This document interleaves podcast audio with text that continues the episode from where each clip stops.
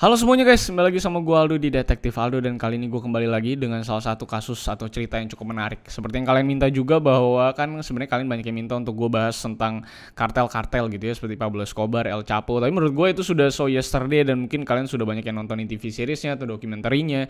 Jadi kali ini yang mau gue bawa adalah salah satu kartel yang memang sebenarnya masih eksis sampai sekarang eh, cabang-cabangnya. Ini adalah Los Zetas.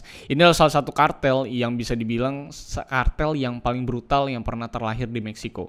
Dan bisa dibilang semua video-video gor-gor yang ada di luar sana terkait kartel itu umumnya mayoritasnya adalah video-video penyiksaan yang dilakukan sama Los Zetas kepada korban dan juga kompetitornya.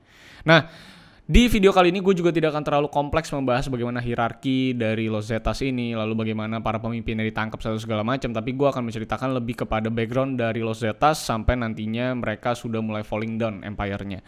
Dan tentunya ini akan menjadi cerita yang cukup menarik karena nanti setelah kalian nonton ini mungkin kalian bisa searching sendiri kalau kalian suka dengan yang namanya gor-gor-gor gitu ya. So mari kita mulai pembahasan tentang Los Zetas ini tapi sebelumnya silahkan untuk like, share, dan subscribe dulu kalau misalnya kalian mau support channel ini dan nyalakan loncengnya supaya kalian tidak ketinggalan update-nya dan pastikan juga follow gue di @rivaldosantosa gue ada di Twitter, ada di Instagram, kalian bisa DM-DM gue kasus yang menarik dan banyak isi pikiran gue yang juga gue tuangkan di Twitter. So, mari kita mulai kasusnya dan sebelum itu kita intronya dulu guys. I lost myself.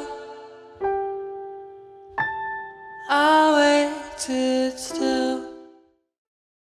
Los Zetas ini adalah salah satu kartel narkoba yang bisa dibilang paling brutal yang pernah terlahir di Meksiko. Di era-era kita tuh udah cukup gede lah, sekitar SMA gitu ya mungkin Los Zetas ini udah udah mulai muncul. Dan memang menjadi kartel yang berbeda dengan kartel-kartel yang lain karena memang background dari Los Zetas inilah yang memang menjadi titik pembedanya dari kartel-kartel sebelumnya atau kartel-kartel terkenal yang kita kenal gitu. Dan Losetas ini terbentuk sebenarnya dari awal 90-an. Jadi sebelum sebesar sekarang sampai nanti kejatuhannya itu sebenarnya dimulai dari tahun 90-an saat Osil Cardenas Guilen, salah satu pemimpin kartel Teluk Meksiko itu yang memang punya base di Tamaulipas, Meksiko itu merekrut seorang mantan pasukan GAFE atau Grupo Aeromóvil de Fuerzas Especiales yang desersi atau berkhianat lah bisa dibilang atau atau bisa dibilang mengundurkan diri gitu. Yang pada saat itu nama orang yang direkrut pasukan pasukan khususnya eh, bernama Letnan Arturo Guzman de Sena. Nah setelah direkrut untuk menjadi pasukan pengamanan Osil Cardenas Guilen, Desena ini ngajak 30 desertir Gave lainnya untuk ikut bergabung dengan yang namanya rayuan bahwa lo bisa mendapatkan uang lebih besar di sini daripada di Special Forces-nya Meksiko atau di tentaraan negara. Jadi untuk bisa bergabung dengan Los Zetas dan tentunya bertugas untuk mengamankan si uh, Guilen juga dan juga memang ditugaskan juga untuk melakukan pembantaian kepada para tokoh-tokoh kompetitornya. Jadi memang betul-betul si Los Zetas ini dibentuk selain untuk mengamankan si Guilen ini, tapi juga untuk membantai para tokoh-tokoh di kompetitornya. Jadi memang objektifnya adalah untuk ngebantai orang. Nah, kalau lo mau tahu soal GAVE ini, GAVE ini adalah special task force-nya yang memang elite force yang memang dibuat oleh pemerintah Meksiko yang memang tugasnya untuk memerangi para kartel atau membantai para kartel. Yang emang brutal-brutal gitu kartel di Meksiko ya, yang lo pada juga sudah tonton di film-film series atau di dokumenter-dokumenter. Bahkan saking seriusnya GAVE ini dibuat, para personil yang masuk ke GAVE ini tuh sebelumnya dikirim ke Amerika untuk melakukan pelatihan khusus dulu untuk mempelajari berbagai teknik bertempur. Dan kalau lo mau tahu, Amerika itu kan memayungi dua pasukan elit terutama di dunia ya masuk gue masuk 10 besar.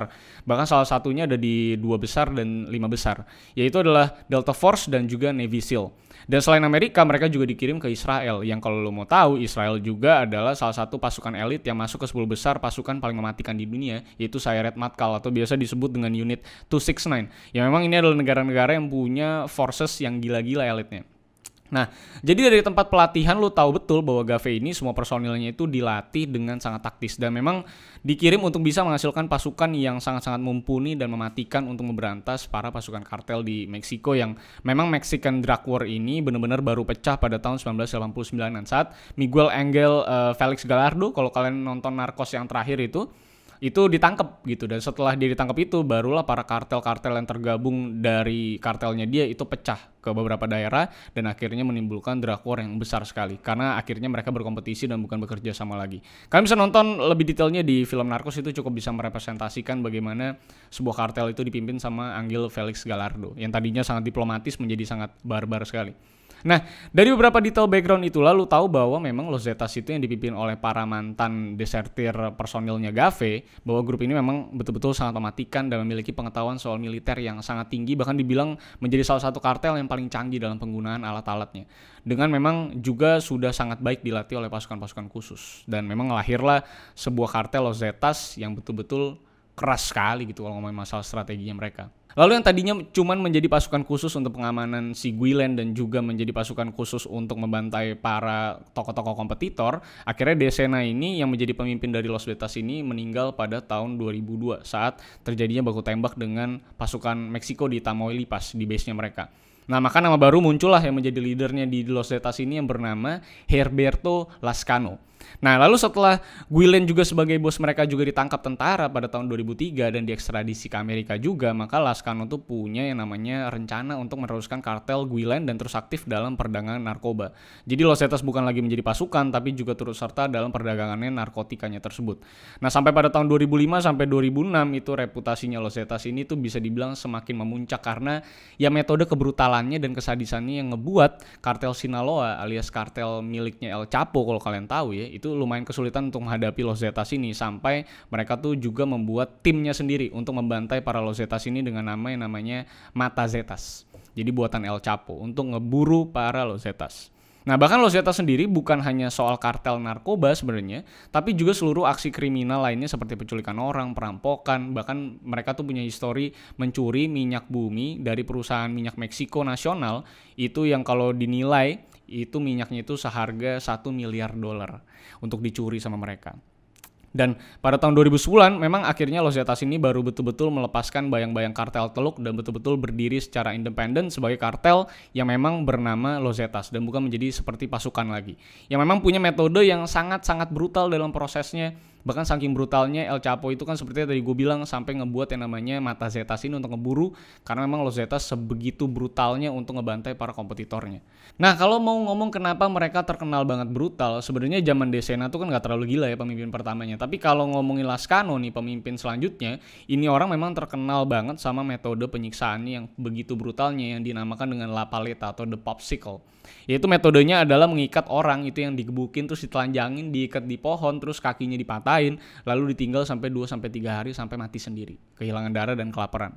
Bahkan Lascano ini terkenal juga dengan nama The Executioner karena metodenya yang mengerikan dengan cara ngelempar orang ke singa-singa peliharaannya dia dan bahkan membunuh anak dari anggotanya sendiri yang dimasukin ke dalam tong lalu dimasak hidup-hidup sebagai tanda supaya anggotanya tetap loyal sama dia dan jangan sampai ngapa-ngapain. Dan selain itu juga ada beberapa metode lainnya yang lebih mengerikan lagi yaitu si Lascano ini bisa aja ngebuka dada lo ya, dibuka dada lo nih terus jantung lo masih berdetak itu dicabut dari badan secara real time. Jadi menurut gue memang apa yang coba digambarkan sama Los Zetas ini betul-betul brutal dan betul-betul berbeda dari kartel-kartel lainnya. Walaupun kalau ngomongin masalah uh, korban-korbannya tentunya Pablo Escobar punya histori yang cukup besar juga karena metodenya adalah ngebom ya. Tapi masalah Lascano ini menakutkan adalah cara dia melakukan penyiksaan-penyiksaannya. Sampai memang akhirnya kekuasaan Lascano ini kan direnggut diam-diam oleh Miguel Trevano Morales yang sebelumnya adalah memang tangan kanan atau orang kepercayaannya dari si Lascano yang ternyata diserang diam-diam gitu. Dan memang membuat anggota lainnya itu menjadi lebih loyal sama Miguel karena Miguel itu menyorakan bahwa Lascano ini melakukan metode yang terlalu sadis untuk bahkan anggotanya sendiri bahkan membunuh anak-anak anggotanya sebagai bentuk dari peringatan.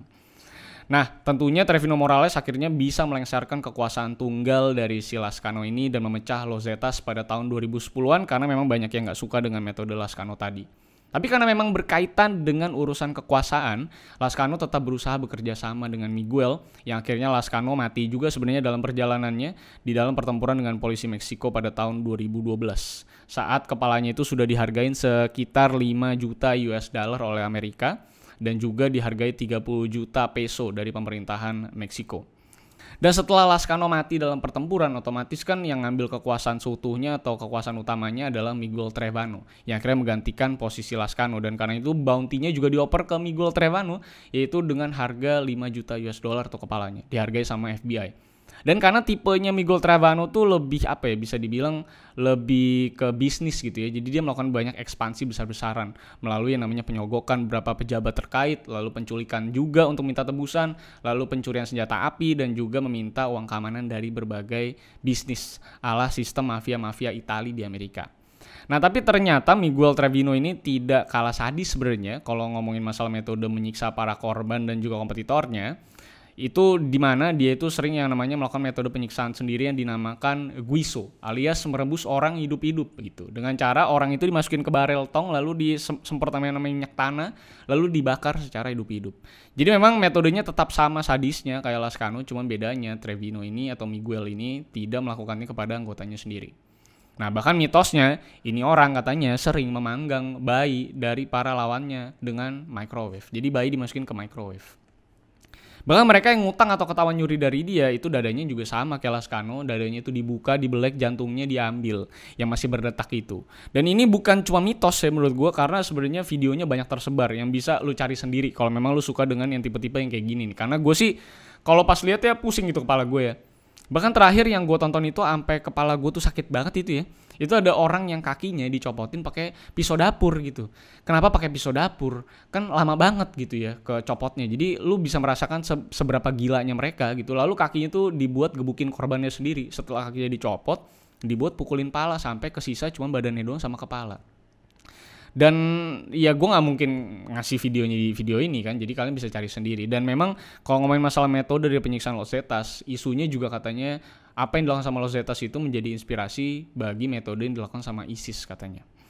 Dan memang teror kebrutalan ini memang menjadi kartu as mereka dalam membentuk kekuasaannya dan ketakutan di mata para lawannya atau kompetitornya terutama adalah kartel Sinaloa yang dipimpin sama El Chapo yang memang menjadi kartel nomor satu pada saat itu di Meksiko. Dan bahkan di tangan Trevino ini, Los Zetas ini sering naruh mayat-mayat yang udah dipotong-potong di jalanan wilayah lawannya sendiri di Sinaloa buat nakutin orang-orang di sekitarnya dan tentunya para kompetitornya. Tapi bukan hanya kesadisan di tangan Trevino sebenarnya, tapi dia juga memperluas bisnis dengan membuat beberapa grup paramiliter atau tentara bayaran dari nama Los Zetas yang menjadikan grup paramiliter ini juga memberikan profit lebih kepada Los Zetas. Yang tentunya dengan nama Los Zetas ini tentunya kan paramiliter ini jadi lebih dipercaya sama para uh, yang nyewa gitu ya karena memang punya kesadisan yang sudah tidak perlu diragukan lagi dengan kesempurnaan taktis yang begitu strategik ala pasukan khusus.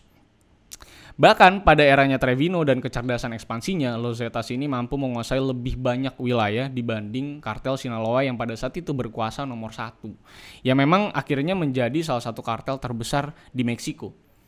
Nah karena terhimpit inilah mata Zetas alias grup pasukan khusus buatan El Chapo itu lebih difokuskan lagi sama El Chapo untuk memburu para Los Zetas. Dan bahkan pada tahun 2011, para mata Zetas ini menaruh dua truk penuh dengan mayat pasukan Los Zetas di area Veracruz yang semua dada para mayat ini itu semua ditulis pakai uh, huruf Z gitu. Jadi diukir di dada lo pakai pisau itu dengan hurusan Z supaya menjadi teguran bahwa Los Zetas tidak bisa main-main dengan kartel Sinaloa. Dan ternyata serangan ini dibales sama Los Zetas, dikasih serangan balik di mana 16 anak buahnya El Chapo itu semua mati ditembak pas lagi di mobil. Bahkan Los Zetas ini meninggalkan tiga mobil SUV yang penuh dengan mayat para kartel Sinaloa yang ditaruh dekat area International Book Festival di Meksiko yang memang sedang didatangi oleh banyak artis-artis dan juga orang-orang penting yang datang ke sana. Yang memang dijadikan Los Zetas sebagai bentuk showcase bahwa Los Zetas itu bukan kartel bercandaan gitu. Tapi walaupun begitu banyak aksi kesadisan dilakukan sama Los Zetas, secara bisnis sebetulnya menurut gua Trevino ini cukup jenius ya. Karena Los Zetas melakukan ekspansi untuk cuci uang narkoba mereka itu melalui bisnis balap kuda yang dibuka di Amerika. Yang memang jadi tanah perjudian yang sangat laku di Amerika dan Meksiko kan dan judi juga legal gitu. Dan nyuruh anggota keluarganya yang lain yang memang belum punya track record kriminal di Meksiko atau di Amerika untuk handle bisnis tersebut. Jadi bisnis tersebut nggak bisa ditutup di Amerika karena tidak ada track recordnya. Bahkan saking gilanya nih bisnis di Amerika, Los Zetas ini punya lebih dari 300 kuda terbaik yang selalu menangkan pertandingan di setiap pertandingan balap kuda di Amerika. Bahkan mereka punya akses untuk mendapatkan kuda terbaik terlebih dahulu dari lelang-lelang privat.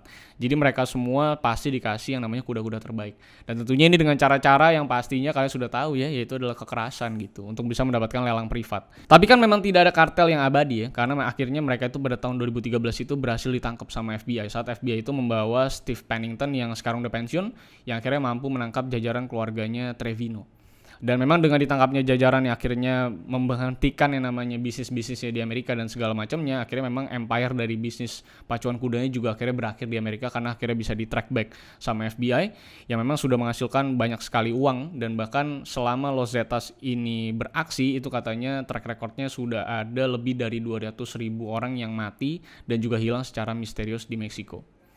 Walaupun jejak penyiksaannya ini masih banyak sebenarnya, bahkan 2020 kemarin gue baca artikel terakhirnya itu ditemukan banyaknya tempat-tempat yang dinamakan kitchen dari tempat peninggalan Los Zetas yang di dalamnya ditemukan banyak sekali tulang belulang dari orang-orang yang sudah dipotong-potong di sana dan juga banyak sekali yang namanya asam-asam untuk bisa menenggelamkan mayat-mayat di sana. Jadi memang ini dinamakan dengan nama kitchen. Bahkan mantan anggota Los Zetas bernama Karim yang tadinya juga adalah mantan kepolisian Meksiko itu juga memberikan statement pada tahun 2011 saat ditangkap bahwa kitchen ini digunakan memang untuk memasak orang-orang dan bahkan para polisi terkait yang memang berani untuk melawan Los Zetas ini. Dan memang mereka itu menyogok yang namanya polisi-polisi korup juga itu sekitar 20 ribu euro setiap bulannya untuk melindungi mereka dan supaya polisi-polisi itu tidak menggerebek yang namanya kitchen mereka sebagai tempat penyiksaan. Dan memang metodenya gila-gila di sana alias metode yang paling sering dipakainya itu adalah dengan cara menenggelamkan orang secara hidup-hidup itu ke asid atau ke asam. Jadi benar-benar lu merasakan bagaimana diri lu itu mulai disassemble satu-satu gitu. Nah itu kira-kira sebenarnya adalah cerita singkat dari Los Zetas supaya kalian tahu bahwa ini kartel emang bener-bener sakti banget dan brutal dan emang susah buat ditaklukin kalau ngomongin masalah tanding senjata dan strategi karena mereka juga basisnya adalah pasukan khusus bahkan banyak video yang ngeliatin polisi-polisi itu dibantai habis-habisan di jalanan ditembak-tembakin sama mereka bahkan ada pimpinan polisi yang nggak mau disogok sama mereka itu akhirnya dia sama anaknya itu diculik dan bapaknya itu disuruh duduk diikat sambil ngeliatin anaknya dipotong satu persatu abis itu baru dia yang dipotong satu persatu jadi videonya sebenarnya banyak banget tentang Los Zetas. Jadi kalau lo lihat ada video-video sadis terkait kartel yang datang dari Meksiko, itu biasanya itu adalah video-video dari Los Zetas. Nah, setelah Los Zetas ini akhirnya mulai berakhir masa kepemimpinannya, dan tentunya pasti masih banyak cabang-cabang yang berkeliaran atas nama Los Zetas yang mungkin suatu saat bisa bangun lagi. Tapi sekarang kalau ngomongin masalah kartel paling mematikan dan paling berbahaya di Meksiko, itu justru adalah pasukan khusus yang dibangun sama El Chapo di Sinaloa Cartel, yaitu adalah Mata Zetas. Dan mungkin ini menjadi salah satu alasan juga kenapa nama Los Zetas itu tidak muncul di TV series dari dokumenterinya El Chapo atau Sinaloa Cartel karena mungkin terlalu berbahaya karena kalau kalian tahu sendiri sebenarnya Narcos yang season 3, season 4 itu sempat menewaskan uh, scout dari um, Narcosnya Netflix karena saat dia sedang-sedang scout lokasi itu dia kena tembak tuh sama kameramen ya kalau nggak salah. Jadi mungkin mereka takut juga untuk membawa Los Zetas ke dalam film dokumenternya karena memang ini kartel betul-betul berbahaya sekali gitu di Meksiko. Salah satu kartel paling brutal yang pernah lahir di Meksiko yang namanya adalah Los Zetas. Karena lagi-lagi backgroundnya adalah pasukan elit dari Meksiko yang dilatih di Amerika dan Israel. So itulah dia cerita tentang Los Zetas. Semoga bisa memberikan kalian pengetahuan tentang kartel ini. Kalau misalnya kalian tertarik dengan kartel ini, kalian bisa lihat bagaimana goksnya eh, mereka beroperasi. Karena tidak ada kartel yang sesadis ini menurut gue. Karena kalau Pablo Escobar tuh biasanya kan pakainya tuh apa ya kayak bom apa segala macam yang langsung ya mati gitu. Lah yang ini kagak nih modelnya tipenya ngeri-ngeri banget dah gitu ya. Kalau misalkan tertarik silakan untuk mengunjungi berbagai TV series karena di sana banyak representatif representatif bagaimana kartel-kartel di Kolombia sampai akhirnya transisi ke Meksiko itu bekerja. Dan menurut gue seru banget untuk kalian ikutin kalau memang kalian suka dengan tema-tema kartel seperti ini. So kalau misalkan suka dengan video kali ini silahkan untuk like, share, dan subscribe pastinya Dan jangan lupa juga untuk follow gue di @rivaldosantosa Gue di Instagram, ada di uh, Twitter Kalian bisa DM-DM gue kasus yang menarik Nantinya gue akan baca pastinya So thank you guys for watching uh, karena masih banyak kasus-kasus yang menarik untuk bisa kita bahas yang kita ceritain. Nanti nextnya gue bakal ya mungkin teaser ya untuk kalian ya uh, Jeff Epstein. Salah satu kasus terbaik juga yang ada di Amerika. So see you on the next case guys. I lost myself. I waited still for a glimmer to arrive. I know